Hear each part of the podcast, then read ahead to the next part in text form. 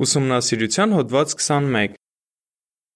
Այս հոդվածը կուսումնասիրվի հուլիսի 18-ից 24-ն ընկած ժամանակահատվածում։ Հայտնություն գիրքը եւ քո ապագան։ Բնաբան Ամեն, եկ Տեր Հիսուս։ Հայտնություն 22-ի 20 Երկ 142 Ամուր բռնենք մեր հույսը։ Այս հոդվածում Սա հայտնություն գրքի վերաբերյալ հոդվածաշարի վերջին հոդվածն է։ Հոդվածից կիմանանք, որ Աստծուն հավատարիմ մարդկանց հրաշալի ապագա է սպասում, իսկ նրա իշխանությանը հակառակվողներին՝ ստորացուցիչ վախճան։ Պարբերություն 1 Հարց. Ինչ կարևոր որոշման առաջ են կանգնած բոլոր մարդիկ։ Այսօր մարդիկ մի շատ կարևոր որոշում պետք է կայացնեն։ Կամ թիկունք կանգնել Եհովա Աստծուն, որպես տիեզերքի օրինական ղեկավարի, կամ բռնել նրա ոխերիմ թշնամու՝ սատանայի կողմը։ Այս հարցում չեզոք դիրք չկա։ Մարդիկ կապրեն հավիտյան թե ոչ, կախված է իրենց կայացրած որոշումից։ Մեծ նեղության ընթացքում յուրաքանչյուր մարդ կամ փրկության նշան կստանա, կամ կործանման։ Պարբերություն 2 Հարց Ա. Ինչ հորդոր է մեզ տրվում Եբրայեցիներ 10:35-ից 39 համարներում։ Հարց Բ. Հայտնություն գիրքը ինչպես կարող է օգնել մեզ։ Կարդանք Եբրայեցիներ 10:35-ից 39։ Ուրեմն մի հանձնվեք, այլ շարունակեք համարձակությամբ խոսել, քանի որ մեծ վարձատրություն կստանաք։ Դուք տոկունության կարիք ունեք, որպեսզի Աստծու կամքը կատարելուց հետո ստանաք նրա խոստացածը, Եվս մի փոքր ժամանակ, եւ նա ով գալու է, կգա ու չի ուշանա։ Բայց իմ արդարն իր հավատի շնորհիվ կապրի։ Եվ եթե նա նահանջի, իմ հոգին նրան չի հավանի։ Սակայն մենք նահանջողներից չենք, ովքեր իրենց վրա կործանում են բերում, այլ հավատ ունենք մեր հոգին կենթանի պահելու համար։ Եթե վճռել ես թիկուն կանգնել Եհովայի իշխանությանը, ապա իմաստուն որոշում ես կայացրել։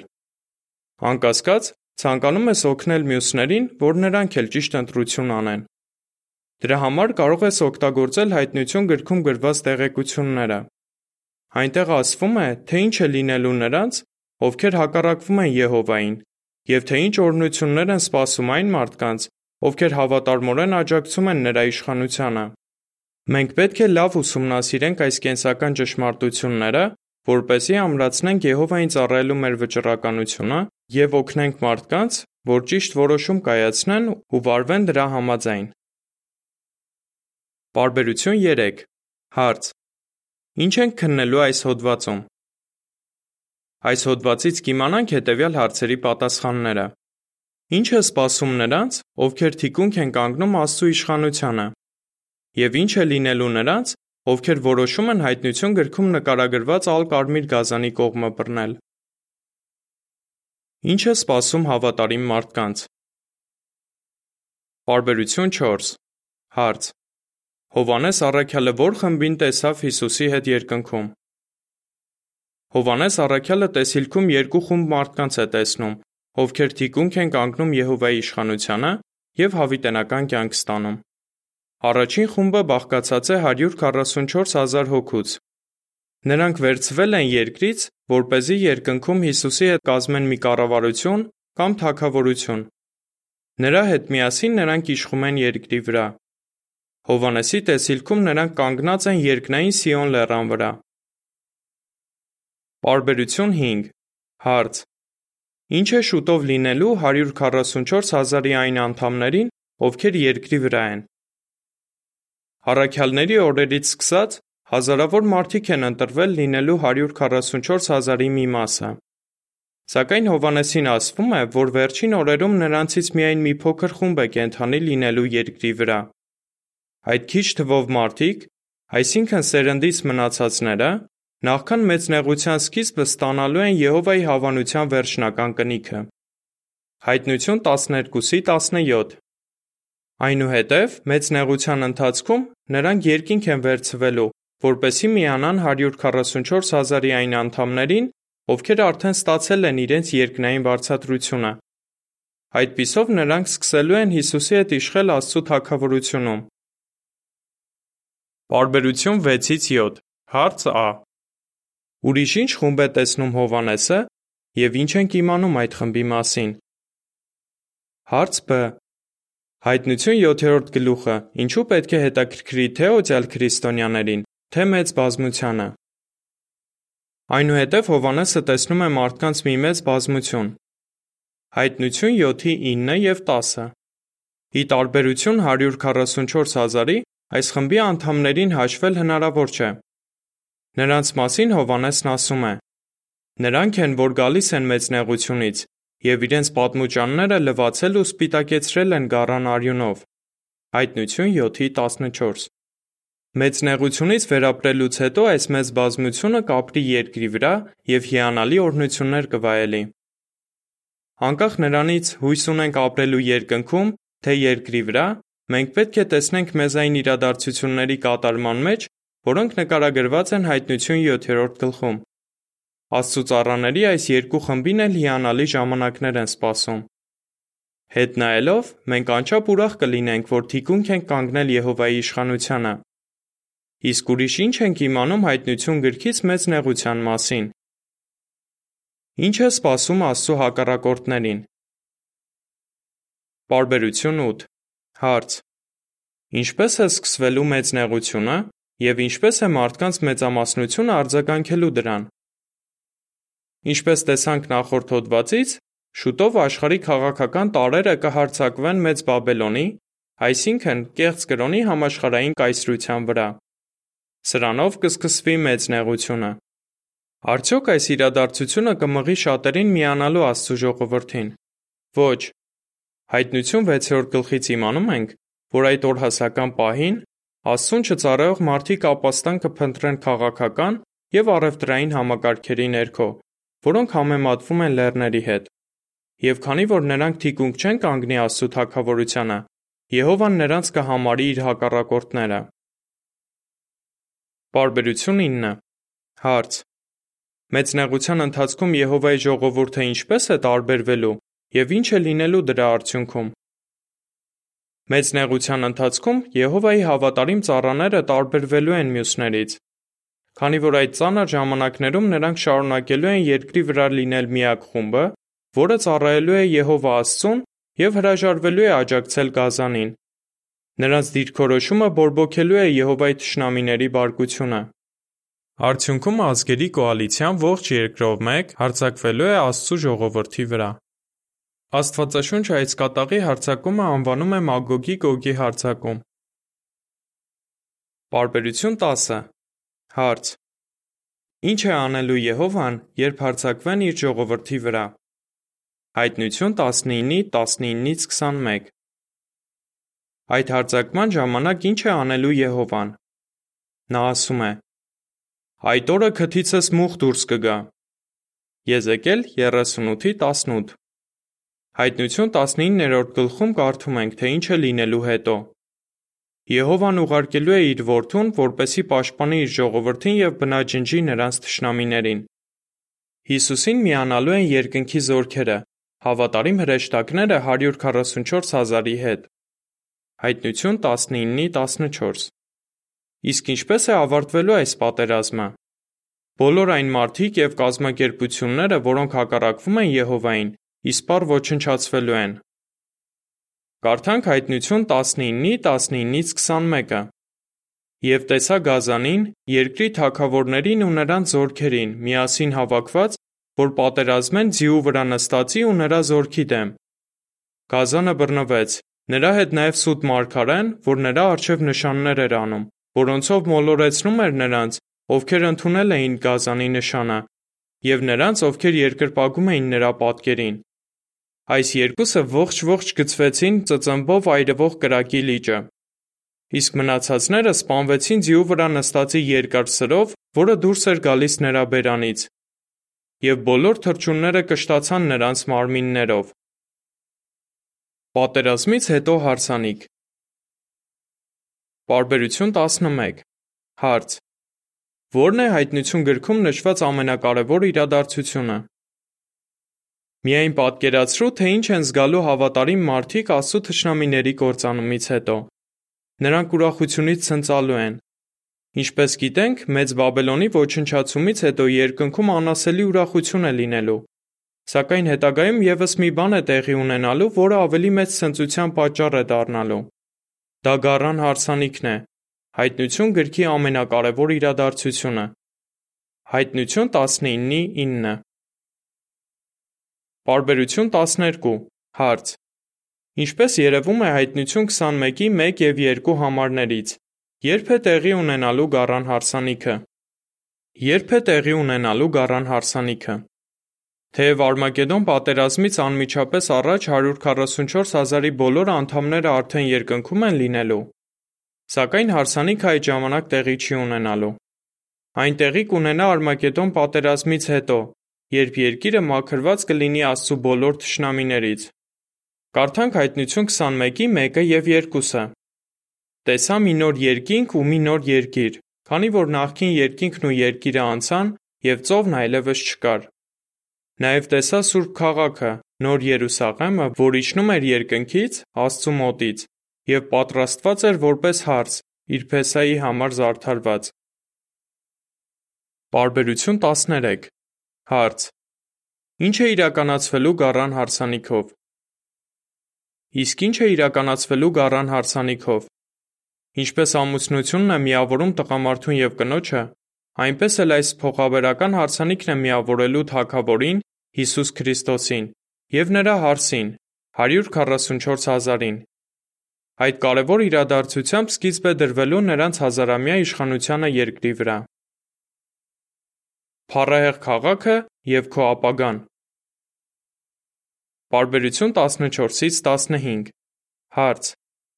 Հայտնություն 21-րդ գլխում ինչի հետ է համեմատվում 144 հազարը։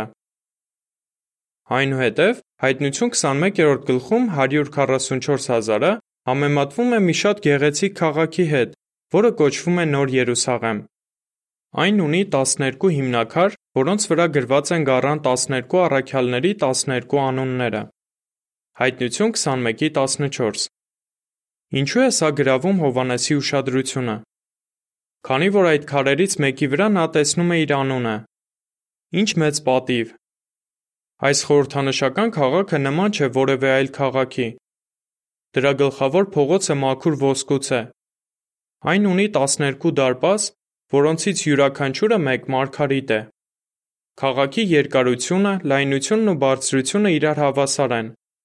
իսկ պարիսպներն ու հիմքերը զարդարված են թանկարժեք քարերով։ Բայց Հովանեսը նկատում է, որ ինչ-որ բան պակաս է։ Նա գրում է. Ես այնտեղ տաճար չտեսա, քանի որ նրա տաճարը ամենակարող Եհովա Աստվածն էր, նաև գառը։